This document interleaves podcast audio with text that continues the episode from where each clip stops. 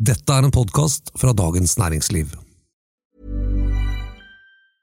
Even when we're on a budget, we still deserve nice things. Quince is a place to scoop up stunning high-end goods for 50 to 80% less than similar brands. They have buttery soft cashmere sweaters starting at $50, luxurious Italian leather bags, and so much more. Plus, Quince only works with factories that use safe, ethical, and responsible manufacturing. Get the high-end goods you'll love without the high price tag with Quince. Go to quince.com slash style for free shipping and 365-day returns. Even on a budget, quality is non-negotiable. That's why Quince is the place to score high-end essentials at 50 to 80% less than similar brands. Get your hands on buttery soft cashmere sweaters from just 60 bucks, Italian leather jackets, and so much more. And the best part about Quince, they exclusively partner with factories committed to safe, ethical, and responsible manufacturing. Elevate your style without the elevated price tag with Quince. Go to quince.com slash upgrade for free shipping and 365-day returns.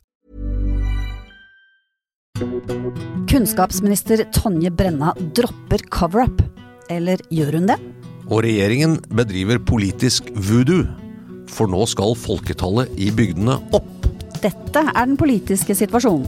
En podkast fra Dagens Næringsliv med kommentator Eva Grinde og meg, politisk redaktør Fridtjof Jacobsen.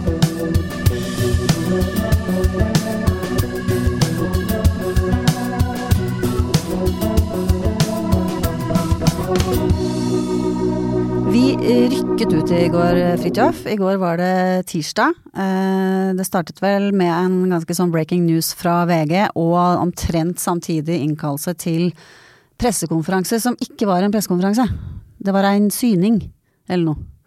Ja, men statsråden gjorde seg tilgjengelig for pressen. Ja, det var, det, det var sånn det var. Så det var en liksom variant over pressekonferanse. Ehm, det var altså Tonje Brenna, kunnskapsminister, som skulle informere om hvorfor hun var, erklært erklærte seg selv inhabil i to forhold, og satte inn settestatsråd for å, for å ja, rent formelt da, for å takle saker i de forholdene. ganske vanlig prosedyre for statsråder at de erklærer seg inhabile, og at det formelt blir tatt en settestatsråd. Eh, Det finnes regler for dette, hvordan dette skal håndteres. Eh, Det skjer med jevne mellomrom, helt uten at det blir innkalt til noen pressekonferanser eller man gjør seg tilgjengelig for pressen. Nemlig. Ofte ganske formelle saker. Dreier seg som regel om kan det være noen i slekten, kan det være noen veldig nære venner som er innbefattet med et eller annet område som ligger inn under departementet en som en bestyrer. Ja, ikke sant. Hele ideen er jo det at man ikke skal eh, favorisere folk som står en nær på noen som helst måte, eller at det skal være grunn til å mistenke det, ikke sant. For at en, en, en minister sitter jo på en kjempesvær pengesekk, eh, liksom underskriver og fordeler penger og tildeler penger til eh, en, en haug med prosjekter. Så det er jo det, at det, det skal være rene linjer der. Og det å være inhabil er jo en helt grei sak. Problemet her var vel at, eh, eller helt sikkert, at det tok veldig lang tid før hun erklærte seg inhabil i helt åpenbare inhabilitetssaker.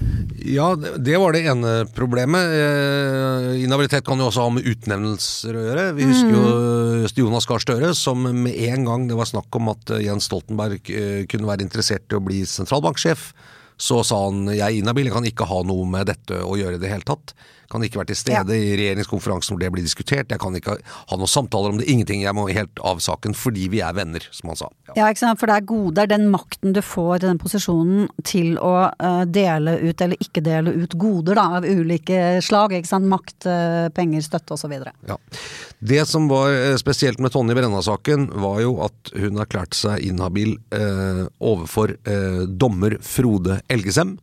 Eh, som er da, eh, etter Brennas eget utsagn, eh, en som er så nær venn med henne at de har, hun mener de har krysset grensen for det som er habilt. Og det ville jo vært i og for seg en fair sak. Problemet var bare at hun allerede hadde gitt, eller hennes departement og henne selv, hadde gitt han et styreverv. Og det er ikke, tror jeg ikke sånn at vennskapet har endret seg fra han fikk det styrevervet til hun nå har erklært seg inhabil, så hun var altså etter selvmente inhabil da hun ga henne det styrevervet. Det er jo alvorlig. Ja, og dette skjedde jo nå i vår. Altså hun, øh, hun utnevnte han øh, 13. april, tror jeg det var, og så ble han formelt oppnevnt da som styremedlem i noe som heter Wergelandsstiftelsen. Øh, fra og med begynnelsen av mai. Ja. Wergelandssenteret. Wergelandssenteret, det, ja. det er riktig. Ja. Um, så um, Og uh, ikke nok med det, uh, fordi dette Wergelandsenteret er jo også knyttet til Utøya AS, der tre av hennes nære venner sitter i styret. Så her blander to inhabilitetssaker seg, og gjør det hele litt uh, ekstra pikant og komplisert. Ja, og det, det er jo en bevilgnings... Med, med LGSM er jo en personlig inhabilitet. Eh, når det gjelder Wergeland-senteret, så er det slik at de har, eh, også i den forrige regjeringen, fått bevilgninger årlig fra Kunnskapsdepartementet. Men veldig, en del av det de får bevilgninger til, går videre til Utøya AS for å drive et uh, demokratiskoleringsprosjekt på Utøya. Som selvfølgelig er en flott og aktverdig ting, og vel noe som jeg i hvert fall mener er naturlig at Kunnskapsdepartementet bevilger penger til. Men men her blir det altså det tekniske slik at hvis eh, et departement gir penger til Wergelandsenteret, og de går rett videre til Utøya AS, der statsråden er inhabil, så selv om ikke det er en direkte bevilgning til Utøya AS, som ikke hun kan gi penger til pga. sin inhabilitet, eh, så vil det i praksis være det når pengene kommer via en annen. Det vil si at Gir hun penger til Wergeland, så er det det samme som å gi penger til eh, Utøya AS, og, og, det har hun også da oppdaget. Ja, ikke sant, og det, er jo der hun, det er jo sånn hun forklarer det også, er at hun ikke kobla fordi det var en indirekte støtte til dette senteret, og ikke en direkte støtte. Men så hadde hun da eh, fått en ny statssekretær som i vår sjekket sin eh, habilitet i forhold til det samme senteret, og fikk et råd om at eh, han eh, ikke var eh, habil vis-à-vis -vis dette senteret. Han også hadde, hadde, hadde bindinger til AUF. Eh, eh, på samme måte som hun, som hun hadde. Og da fikk, ifølge ifølge Brennas forklaring, det var da hun fikk øynene opp for at oi, her sitter jeg og bevilger penger eh, via Wergelandsenteret til Utøya AS, der tre av mine nære venner sitter i styret, hvorav én er eksmann og faren til barna hennes. Um, og, og, dermed så ba hun også om å bli vurdert eh, for sin habilitet vis-à-vis ja. -vis det styret, de folkene i det styret. Dette er jo eh, veldig mye detaljer, og det er lettere å lese om det i Dagens Næringsliv enn å høre på for å få oversikt, men Jeg syns jeg sa det ganske bra. Det ganske bra. Men, det er, men det, er, det, er, to saker, og jeg mener de skiller seg litt fra hverandre. Den ene er det gjør det. Eh, eh, Hun blir bevisst på at det hun trodde var en helt rutinemessig bevilgning til et Wergelandsenter, eh, i praksis betød at en Utøya eh, AS fikk penger, og, og der var hun inhabil osv., men det hadde hun ikke oppdaget. Dette har hun nå fått brakt på det rene. Hun sier 'jeg har gjort en feil, jeg skulle oppdaget det før'. Jeg var ikke klar over det før nå. Det kan man, tror jeg, menneskelig forstå. Det går eh, et utall, flere hundrevis av bevilgninger eh, gjennom Kunnskapsdepartementet til ulike ting.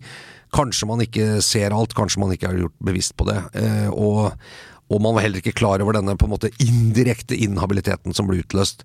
Jeg syns det høres troverdig ut, eh, men utnevnelsen av hennes venn, og da en nær venn må det være, ettersom hun erklærer seg inhabil eh, i saker som har med han å gjøre, til et styreverv som eh, det departementet utnevner, det tror jeg er mer komplisert. Og jeg tror det er det som er den, den mest alvorlige inhabilitetssaken. Ja, det var jo Hvis vi tar Frode Elgesem for seg, da, for å gjøre det litt uh, enklere, så startet jo hun opp uh, altså hver gang Når man utnevner en statsråd, så har man jo en innledende samtale med departementet som liksom skal ja, kartlegge er det noen skjeletter i skapet, har du noen bindinger, et eller annet som kan komme opp, noe som gjør det vanskelig for din rolle, ikke sant, som, som statsråd. Og da hadde jo Tonje Brenna allerede den gangen, 2021, nevnt sitt forhold til, eh, til Frode Elgesem.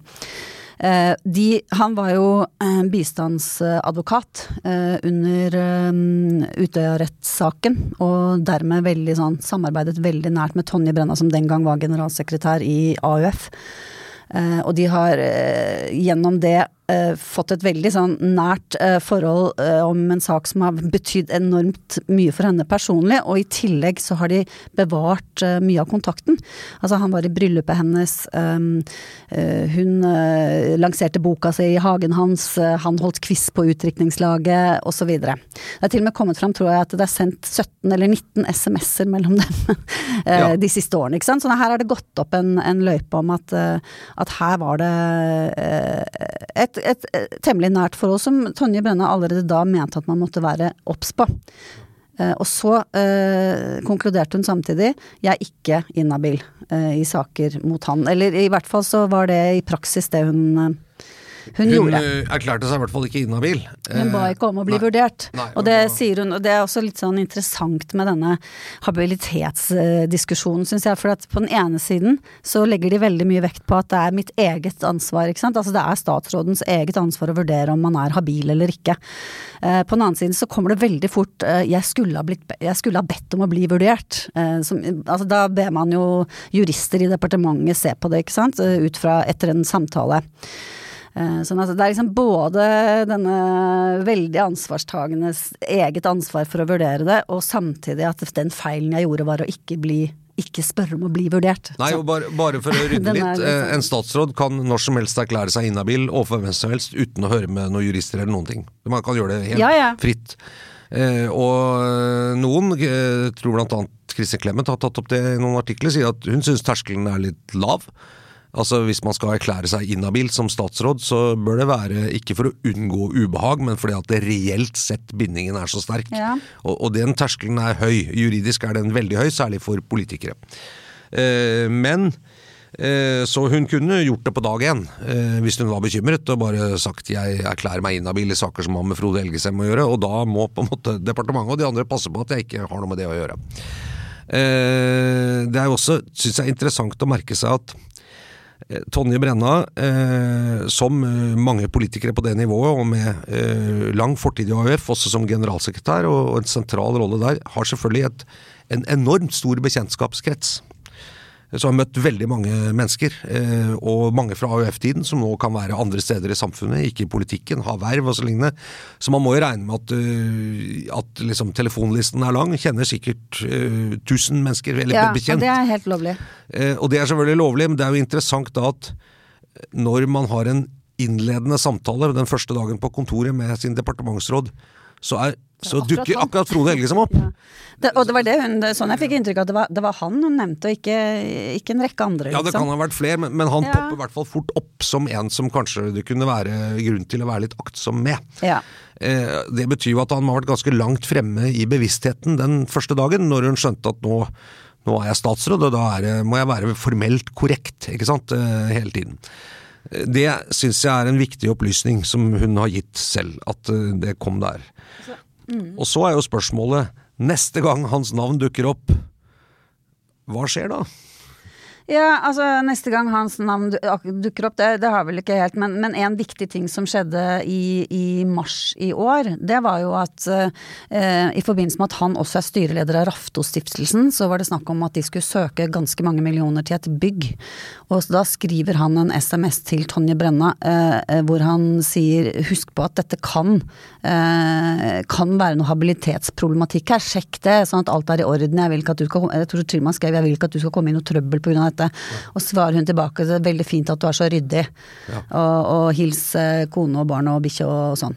Og så eh, Så det, er- det er andre gang vi vet at dette er oppe som en vurdering? Ja, det er i hvert fall den viktige hendelsen som dras fram med den tidslinjen som er skrevet her. Da. Det kan jo godt ja.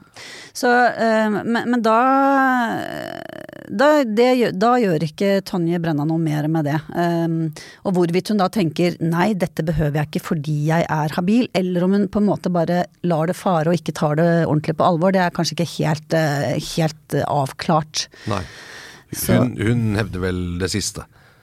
Uh, ja, ja, jeg syns det er litt sånn uklart uh, akkurat hvordan hun uh, snakker om det. Det som hun er helt soleklar på, er at det var feil av henne å ikke ta tak i den Det var feil av henne allerede i 2021, og det var feil da å ikke ta tak i den advarselen og gjøre noe med det, da.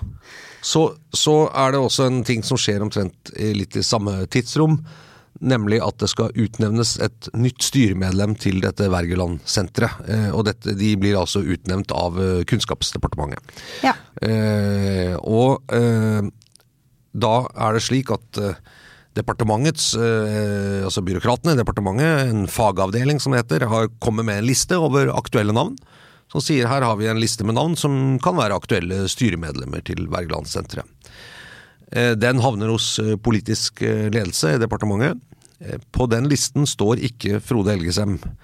Eh, Og ifølge opplysninger som er blitt gitt, så ble han heller aldri vurdert som noe aktuelt styremedlem for Bergelandsenteret. Nei, ikke av departementet. Av- Ikke av fagavdelingen. Men, eh, men han blir da foreslått eh, av politisk ledelse, så nærmere bestemt av statssekretær Sindre Lysø, som har den direkte kontakten med ham. Ja, Det er veldig uklart om det er han som foreslår det. Det, som blir sagt er at de snakker om det.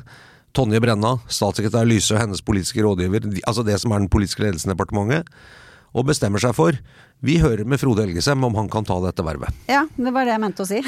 Men, men, tror, og, men, om det, men om det er de, Og så har vi prøvd å spørre er det, var det Brenna selv som kom med dette navnet, og da får man svar som at hun tar ansvar for at dette liksom ble planen osv. Men, men hun var i hvert fall til stede da dette navnet eh, kom opp, og man Ja. besluttet at det var han man skulle spørre. Ja, nå kan vi jo klargjøre. Nå snakker vi litt om hvordan, vi har jobbet med dette eh, nyhetsmessig også, og forsøkt å få ut nettopp akkurat det. Da. Hvem var det som nevnte hans navn eh, først? Og om det var Tonje Brenna er jo ganske interessant i så fall. Men der blir det en sånn slags pakka politisk ledelse. Eh, ja. Hun var der i hvert fall. Hun var der, og hun uh, tar jo ansvar for det også. Og, hun, hun og vi vet at hun kjenner han. Og vi vet hun verdensmester i ta ansvar akkurat nå for tiden. Så, og så blir han spurt er dette noe du kunne tenke deg. Han finner ut uh, ja, det kan jeg godt, og han blir utnevnt av henne. Og her er vi jo ved en hendelse som jeg tror er ganske sentral. Da har hun altså først sagt vi må være litt aktsom med Frode Elgesem den dagen hun begynner på jobb.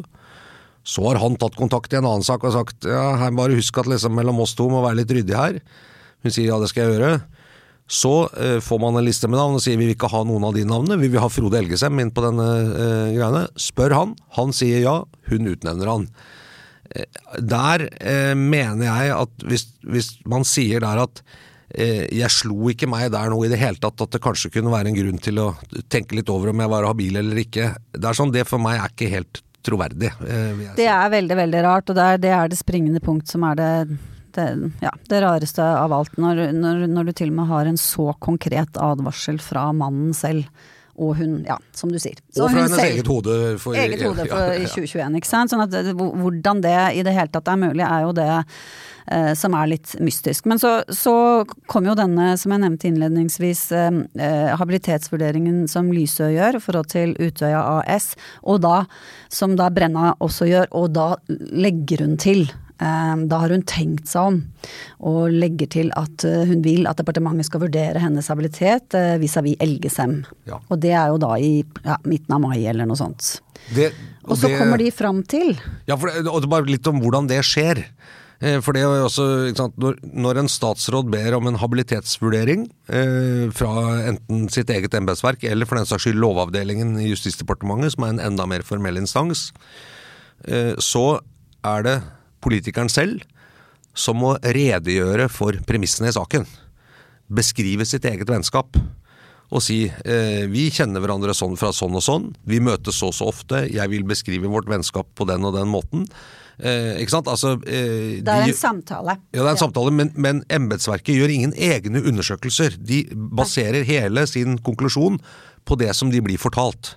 Så hvis du, ikke eh, hvis du ikke forteller hele sannheten om et vennskap, så kan de konkludere med at man er trygt innenfor. Ja, for det er jo også i tråd med det prinsippet om at det er statsrådens ansvar, ikke sant. Eh, sånn at det det er du selv som skal vurdere det, og du skal legge det frem, og så skal du Der du er i tvil, så ber du om den type råd. Og det er jo ikke sånn at da departementet sier du er inhabil eller du er habil, de gir et råd.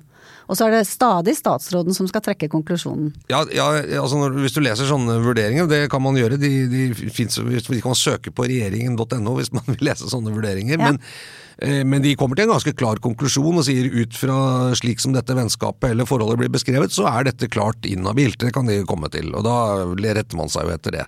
Og da underliggende rådet, du bør erklære deg innafor. Ja ja, men uh, i prinsippet så, så kan du selvfølgelig bare si at jeg er ikke enig og jeg gjør men altså, det, det er veldig lite lurt Tror aldri har skjedd. politisk, Nei, for å si det. det- det tror jeg aldri har skjedd. Nei, nei, men, men altså prinsippet er jo sånn. Men det som, det som skjedde her da, var jo at basert på den samtalen med Tonje Brenna, så uh, erklærer departementet at hun uh, ikke er inhabil vis-à-vis Frode Elgesen. Slik som hun har beskrevet vennskapet, mener de det er på rett side av den habilitetsstreken. Dvs. Si at hun ikke er inhabil. Og det betyr jo da at alt hun har gjort frem til det, er greit.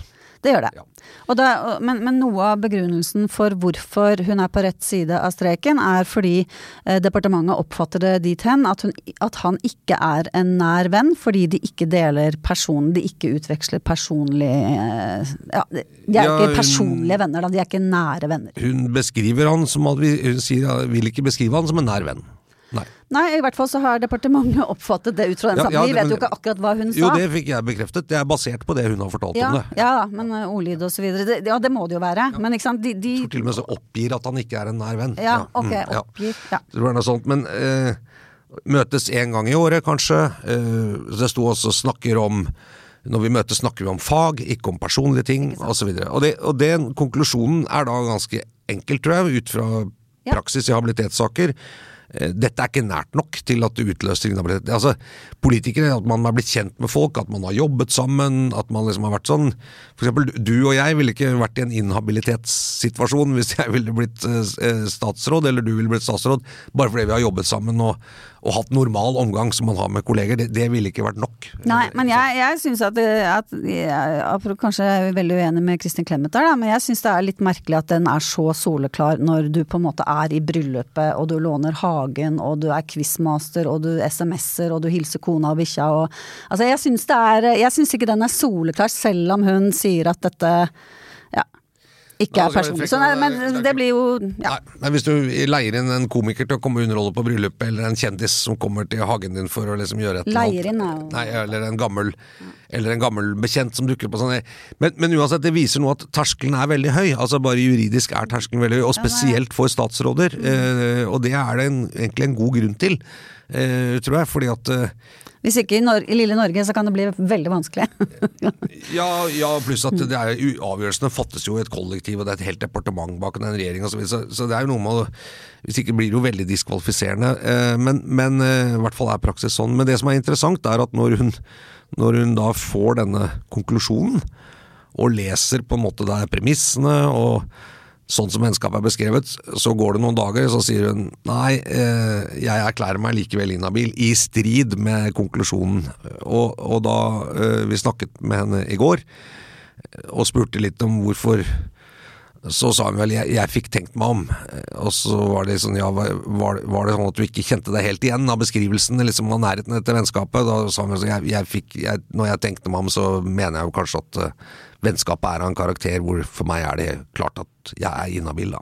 Ja, og at hun det- virket jo også som at hun har rådført seg med noen underveis i den prosessen, som jo er helt naturlig hvis hun har, men uten at hun ville si hvem, hvem det var. Men, men, men det er jo en sånn Utøya-faktor her også, da, hvor hun sier at liksom det å ha La oss si, ikke sant? Det, når du er profesjonell og samarbeider nært i en sånn type sak, så får du et annet forhold som, som blir nærere enn det kanskje blir i, i en, eh, en klassisk profesjonell relasjon, ikke sant. Ja, og det, Og det er veldig forståelig. naturlig. Men, det kan godt hende at det dermed er det der inhabiliteten ligger, at de er blitt så nær hverandre personlig i denne prosessen, eller har vært det. at mm. vi, vi ser jo det er jo offentliggjort noen SMS-kommunikasjoner mellom henne og Elgesem, hvor det er sånn hils hjem til kone og barn og hund, ikke sant. Og, altså, det, er en personlig tone i, i måten de snakker sammen på. Det er veldig det. Så, det- men jeg, men jeg syns jo det Jeg, jeg syns uh, kanskje at det er litt overraskende, men det er mulig at det kommer, da. At hun ikke har fått litt mer tyn for den diskrepansen på en måte da, mellom det som ble sagt i, i samtalen med departementet og det hun tenker seg om og finner ut av etterpå. Og også satt, sett i sammenheng med at hun sa det allerede i 2021. Her, her er vi jo inne på noe interessant. Eh, hun har gjort ting som statsråd som eh, hvis hun er, har vært inhabil i forhold til Frode Elgesem fra dag én, så har hun begått ganske alvorlige feil. Da har hun trådt over en grense man ikke skal trå over. Eh, Men det har ikke vært vurdert. Når det blir vurdert og hun oppgir sånn, så sier de nei, du er innenfor. Eh, og så er det hun selv på en måte som plutselig sier Nei, jeg våkner en morgen og finner ut at jeg må erklære meg inhabil overfor Frode Elgesem. Det betyr at en del, noen ting som jeg har gjort som statsråd, plutselig er veldig problematisk. Ja. Eh, og, og, det betyr at jeg da må gjøre meg tilgjengelig for pressen ikke sant? og si at jeg, jeg har Jeg ser nå, når jeg skjønte at dette vennskapet med Elgesem er et inhabilitetsutløsende vennskap, og det har det vært fra dag én, så har jeg gjort ting som ikke er riktig. Men jeg forteller det selv. Ja, er, jeg forteller det, om feilene jeg har gjort. Ja, der, er liksom, der kommer jo denne cover-up-saken inn, da. ikke sant? Man sier jo, Det er jo dette uttrykket med at uh, 'it's not the crime, it's the cover-up'. Og her har jo hun gjort det liksom etter boka i veldig stor grad, og tatt regi fra første stund. Og liksom hun er den som går ut og sier 'jeg tror dette er alt, jeg har gjort feil, jeg har gjort feil ABC'. Jeg er lei meg, jeg vil gå videre, jeg vil rydde opp. ikke sant? Hun har ikke hatt noe av den der skanse til skanse-forfølgelsen fra mediene som, som gjør at man bare blir seende dårligere og dårligere ut, ikke sant? Nei, hun bekjenner jo sin egen synd. Det er jo ingen som begynt, hadde begynt å grave i det, eller i hvert fall ikke noen pressesaker eller noe om Nei. dette. så hun kommer ut og forteller jeg har gjort en feil, jeg innser jeg har gjort en feil, jeg, jeg burde erklært meg inhabil lenge før, da ville jeg ikke utnevnt han til styremedlem, jeg ville kanskje ikke bevilget disse pengene, pengene ville kanskje blitt bevilget, men ikke av meg, osv., osv. Og, og jeg ser da at min unnlatelsessynd ved å forstå at jeg hadde et inhabilt vennskap med Frode Helgesem, har gjort at jeg rent formelt har gjort feil ting. Mm. Eh, men eh, undertekst jeg ber om tilgivelse for dette, som hun sa. Jeg vil rydde opp i dette. Jeg har vært helt åpen og ærlig. Eh, og fikk umiddelbart støtte også fra statsministeren, som sa jeg har tillit, det er alvorlig, som han sa, men jeg har tillit til at hun har skjønt det, og at hun vil rydde opp selv. Case closed, vi går videre. Dette var liksom en slags eh, et skriftemål, og så ja. kan man gå videre i livet. så er spørsmålet om det blir sånn. Case er ikke closed da, i hvert fall ikke på Stortinget. Så nå, nå, blir det jo sak i kontroll- og konstitusjonskomiteen. Må jeg si at uh, eh, PC Frølich, som jo leder den komiteen fra Høyre, han høres han høres veldig mild ut. Altså, han snakket med Det var jeg kanskje litt overrasket over, det burde jeg kanskje ikke være, men snakket, han snakket med Brenna allerede søndag, før dette var en sak, om, om at dette kom til å komme. Så det er altså fra liksom regjeringen til det største opposisjonspartiet en fortrolig samtale der, er ikke det litt overraskende egentlig? Nei, det kan nok skje. Ja, ja, tydeligvis. Det kan skje, men jeg syns det var litt interessant. Men han var liksom veldig, eh, veldig forståelsesfull og la veldig mye vekt på det at hun samarbeider som hun gjør, at hun legger alle kortene på bordet som hun gjør. Og kanskje også da at de hadde den samtalen før, før dette brast. ikke sant? Det hjalp også muligens. Frp er selvfølgelig på krigsstien, men, men, de har jo ikke noe i nærheten av noe flertall alene, så. Nei, det, det som skjedde var at det er to måter kontrollkomiteen kan forholde seg til dette på. Det ene, det ene er å sende konkrete spørsmål som man ønsker besvart.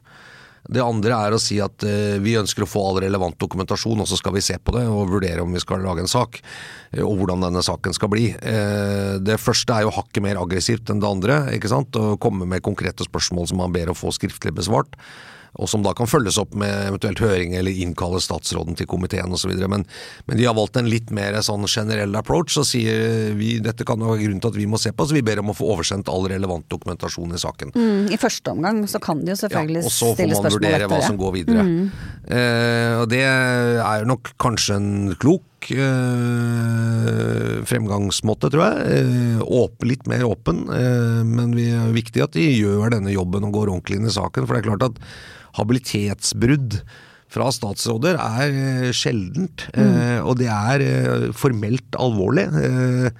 Men altså, feil kan skje, og sånn, men, men, det er jo fortsatt, som vi har snakket oss gjennom tidslinjen i denne saken nå, så er det jo noen litt sånn mystiske ting her som er, ikke er liksom helt enkelt å forstå når alarm, alarmen, eller i hvert fall Varsellampen har blinket et par ganger før. Hvorfor blinker den ikke den avgjørende dagen når man faktisk utnevner han til et styreverv? Det, det, klarer jeg ikke helt å forstå. Ja, ikke sant. Så det, det er jo to Én ting Nei, det er flere, flere Selvfølgelig så, så dette er jo ikke en, en inkompetent uh, venn som hun lurer inn i, inn i maktens uh, kamre, ikke sant. Dette er en svært Det er jo ingen som tviler på at han uh, er en god, antagelig, en god mann for, den, for det, det styrevervet. Eh, men det man lurer på, det er som én, har hun prøvd å å underspille dette vennskapet på et eller annet tidspunkt, før hun skjønte at det ikke gikk. Eh, for, fordi, nettopp for at ikke du skulle se så veldig eh, spektakulært ut at hun hadde utnevnt han til styremedlem. Eller og eller hva sier dette om hennes dømmekraft generelt? ja. Altså får hun en eh, tillitsbrist på grunn av at det går an å være så eh, tilsynelatende blind som hun har vært, da. Hvis hun ikke har gjort det med vilje, som jo er enda verre. Nei, ville det vært naturlig hvis de vurderte å oppnevne Frode Elgesem som styremedlem den gangen de satt i politisk ledelse og hans navn kom på bordet som et aktuelt styremedlem? Ville det kanskje vært naturlig å sagt da må jeg først sjekke habiliteten. Det burde jeg ha sjekket for lenge men jeg bare sjekker det nå før jeg faktisk gjør dette. Eh, så da ber jeg mitt embetsverk om å De gjør det ganske fort mm. når du ber dem om det. Eh, hun gjorde ikke det. Eller hun kunne bare vurdert det selv, sånn som hun gjorde senere. Ja, ja, ja men, men, men, her kan det jo være grunner til å si at liksom, man kan godt tenke sånn Jeg selv mener at vi, vi er sånn Det, er, vil ikke beskrives som det er. Men uh, uansett, og, og, hva ville da skjedd hvis de ville kommet, ville hun ha kommet etter tidligere, som gjort så at han ikke ville blitt utnevnt, at det aldri ville vært noe, osv. osv. Men uh, jeg, jeg, tror vi kommer til å få høre litt mer om dette. Det tror jeg også. Uh, men hvordan det ender, det tror jeg ikke vi skal ha noe formening om. Nei. Jeg, ikke jeg, i hvert fall. Men jeg, ikke jeg heller. De fleste er liksom sånn ja ja, dette kommer til å blåse over og sånn, men vi, vi, får, vi får nå bare følge med og se. Ja, spørsmålet er jo, ikke sant. Dette ser jo ut som absolutt alt er lagt på bordet, og det er jo den 'it's not the crime, it's the cover-up'-teorien. At eh, det er hvis man begynner å eh, underspille litt hva man har gjort, når man skal forklare og ikke komme med hele sannheten osv., ja. da vil det være farlig. Men, men, nå ser det ut som liksom veldig alt er kommet på bordet, men Da spørs det jo hva som er på bordet, tenker jeg. Men vi kan ikke være helt sikre på at alt er kommet på bordet. Altså, Nei, eller, eh, og, eller om vi skal vurdere alt som er kommet på bordet som helt greit. Ikke sant. Det er også Det er jo ikke sånn ja, jeg innrømmer at jeg har Nei drept tre, liksom det spiller ja, er, nei, nei, nei, du, er ikke uskyldig i det, det var en dårlig parallell, men jeg skjønner. Jeg skjønner nei, nei, men jeg, jeg, jeg syns faktisk det er litt interessant, for at uh, også Frølich og andre uh, bruker det argumentet veldig. At hvis alt er på bordet, så, sant, så er det greit. Men uh, kommer an på hva som er på bordet. Ja, ja, ja. ja det, er, det, er, helt riktig. skal men, vi, vi legger den fra oss nå, da? Ja. Vi legger den vel fra oss nå. Ja. For jeg, vil, jeg, lurte nemlig på en ting. Har du egentlig en, innerst inne en drøm om å flytte på landet? du urbane alle, alle, menn i min alder og med min jobb har selvfølgelig av og til en drøm om å leve helt alene i skogen. ja, ja, ja, ja. Sånn doppler. Uten internett. med en elg. Ja, vi er en doppler i oss, liksom. eh, men det tror jeg Det har jo ikke noe med liksom uh, selve ønsket om bosituasjonen å gjøre. Nei. Jeg tror ikke på at du har det, egentlig. Nei, det er bare av og til, da. Ja, det er veldig sjelden fred og ro. eh, nei eh, Vi skal over Life is full of awesome what ifs, and some not so much, like unexpected medical costs. That's why United Healthcare provides Health Protector Guard fixed indemnity insurance plans to supplement your primary plan and help manage out of pocket costs. Learn more at uh1.com. It's that time of the year. Your vacation is coming up. You can already hear the beach waves, feel the warm breeze, relax, and think about work. You really, really want it all to work out while you're away. Monday.com gives you and the team that peace of mind. When all work is on one platform and everyone's in sync, things just flow wherever you are. Tap the banner to go to Monday.com. Many of us have those stubborn pounds that seem impossible to lose, no matter how good we eat or how hard we work out. My solution is PlushCare PlushCare is a leading telehealth provider with doctors who are there for you day and night to partner with you in your weight loss journey. They can prescribe FDA-approved weight loss medications like Wagovi and Zepbound for those who qualify. Plus, they accept most insurance plans. To get started, visit plushcare.com slash weight loss. That's plushcare.com slash weight loss. Ja, vi skal over. Det, det som eh, Og her er du egentlig inne ved liksom kjernen i debatten med en gang. For at det er liksom Ja, hva har du lyst til? Eh, hvem er du? Og så videre. Eh, det som er Vi snakker om dette for det er kommet en distriktsmelding. Ja, det var nemlig det. Den kom også tirsdag. Det skjedde ja. mye på tirsdag denne uken. Og der er det igjen, ikke sant. Hvis vi gjør det riktige politisk, så kan vi sikre at det blir attraktivt og fint å bo i det man kaller spredt bosetting, altså i små kommuner rundt omkring i Norge. Et, et kjennetegn ved det norske bosettingsmønsteret, vil jeg si, f.eks. sammenlignet med Sverige, er at vi har veldig spredt bosetting. Vi har veldig mange flotte steder. Eh, vi har mange eh, flotte, levedyktige, bra lokalmiljøer. Eh, men vi har jo også steder som tiden kanskje har løpt litt fra, hvor alderssammensetningen begynner å bli veldig eh, eh, forskjøvet i, i at det bor mange eldre der, at ungdom ikke vil bo der hvor de vokser opp. De vil flytte til urbane områder osv. Så, videre, så det skjer en del ting.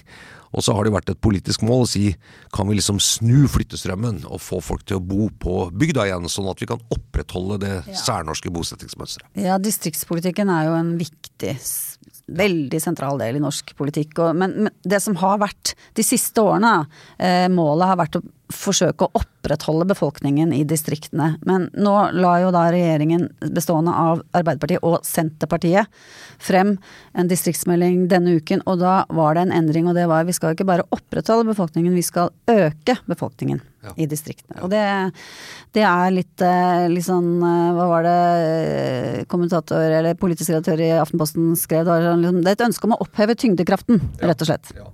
Så det var en um...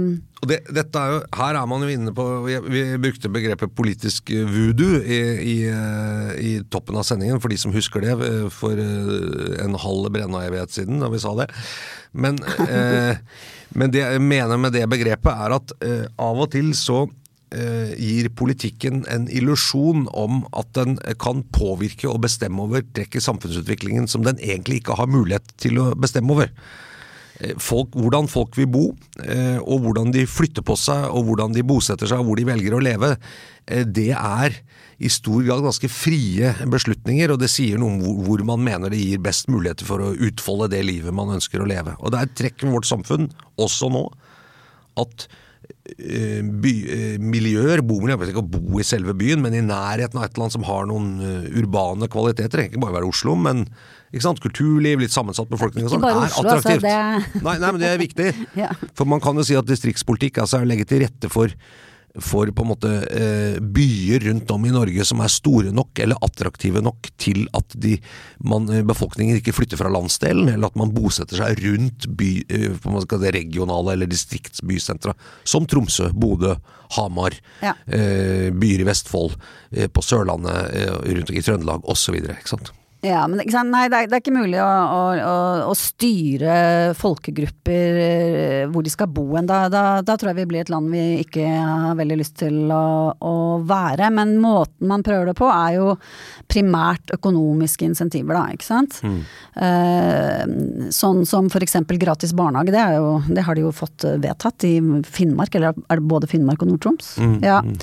Um, flytte ut statlige arbeidsplasser, uh, diverse sånne type tiltak. Men um, uh, Og før så var det kanskje litt mer sånn at folk flytta etter der hvor det var mulig å få jobb. Men den, den trenden ser jo også ut til å ha endra seg litt. Fordi det er mer enn jobb som skal til for at man vil bo et sted. Ja.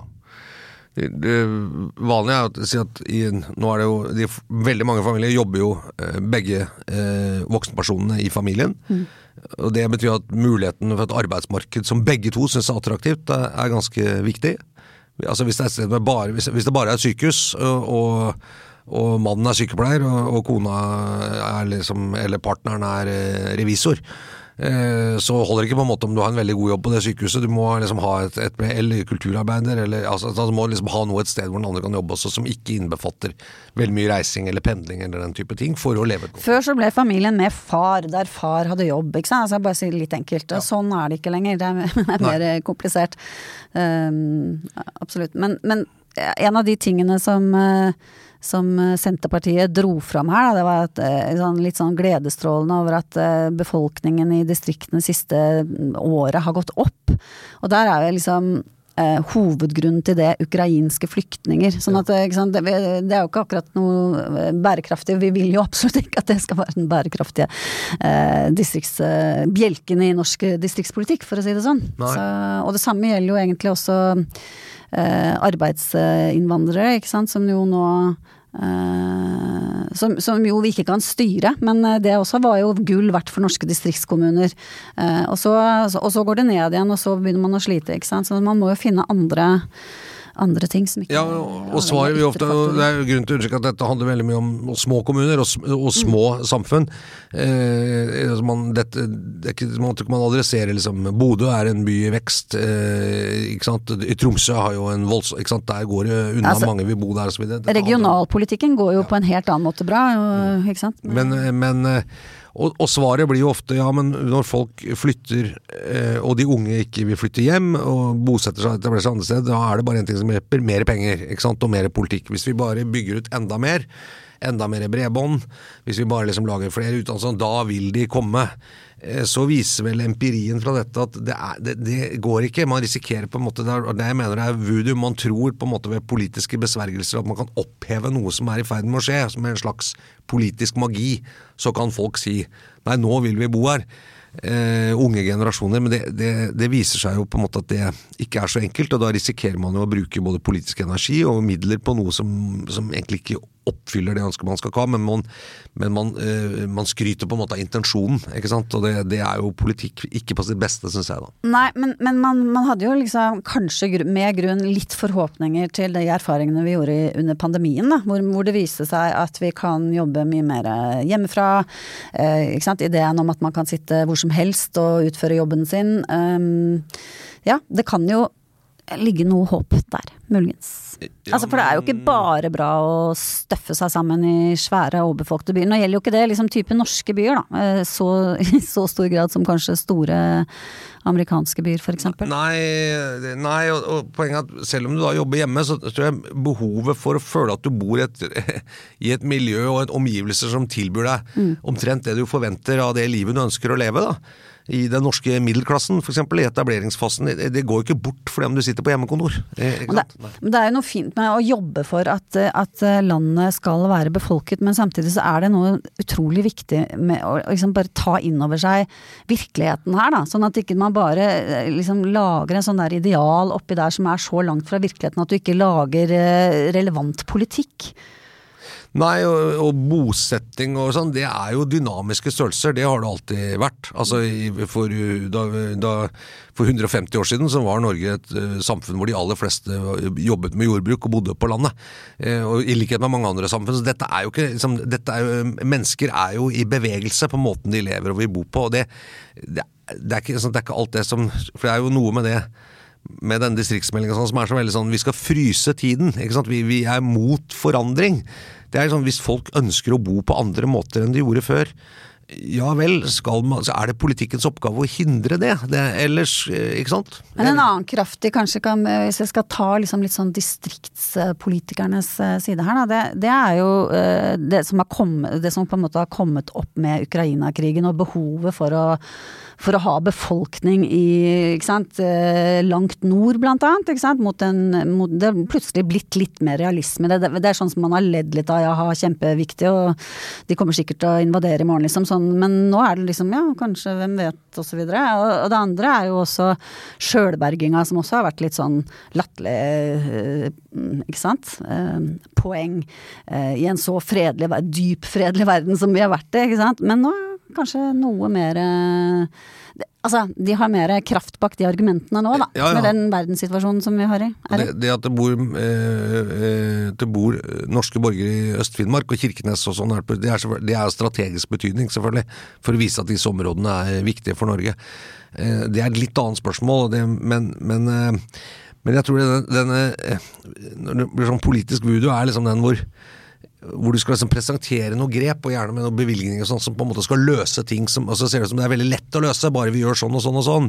Eh, jeg får det av og til litt sånn på havvind, at det er sånn bare vi får bygd havvind, så løser vi klimaproblematikken, og så, og så får vi en veldig vital eksportindustri med masse industriarbeidsplasser. Liksom alt blir løst bare vi gjør det, og dermed så bør vi bruke masse penger på det. men men, men det er jo ikke så enkelt. Eh, det, men politikken har av og til en hang til en sånne at liksom hvis vi trykker på den knappen, så endrer samfunnet seg i den retning. Men eh, samfunn er jo litt mer gjenstridige enn det, da.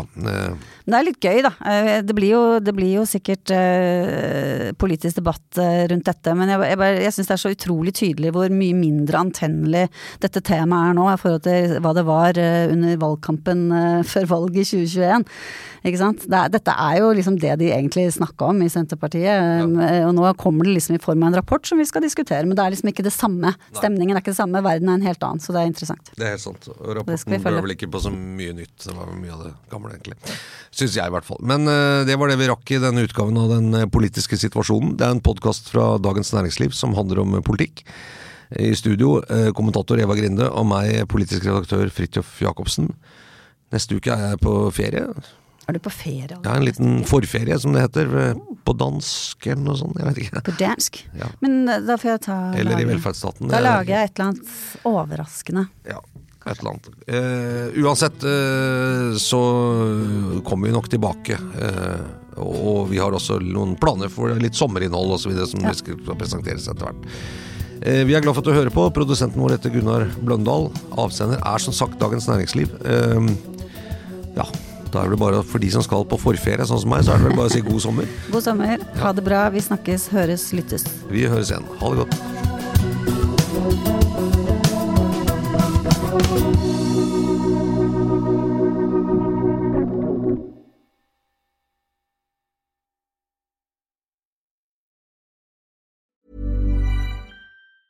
Planning for your next trip? Elevate your travel style with Quince. Quince has all the jet setting essentials you'll want for your next getaway, like European linen, premium luggage options, buttery soft Italian leather bags, and so much more. And is all priced at 50 to 80% less than similar brands. Plus, Quince only works with factories that use safe and ethical manufacturing practices.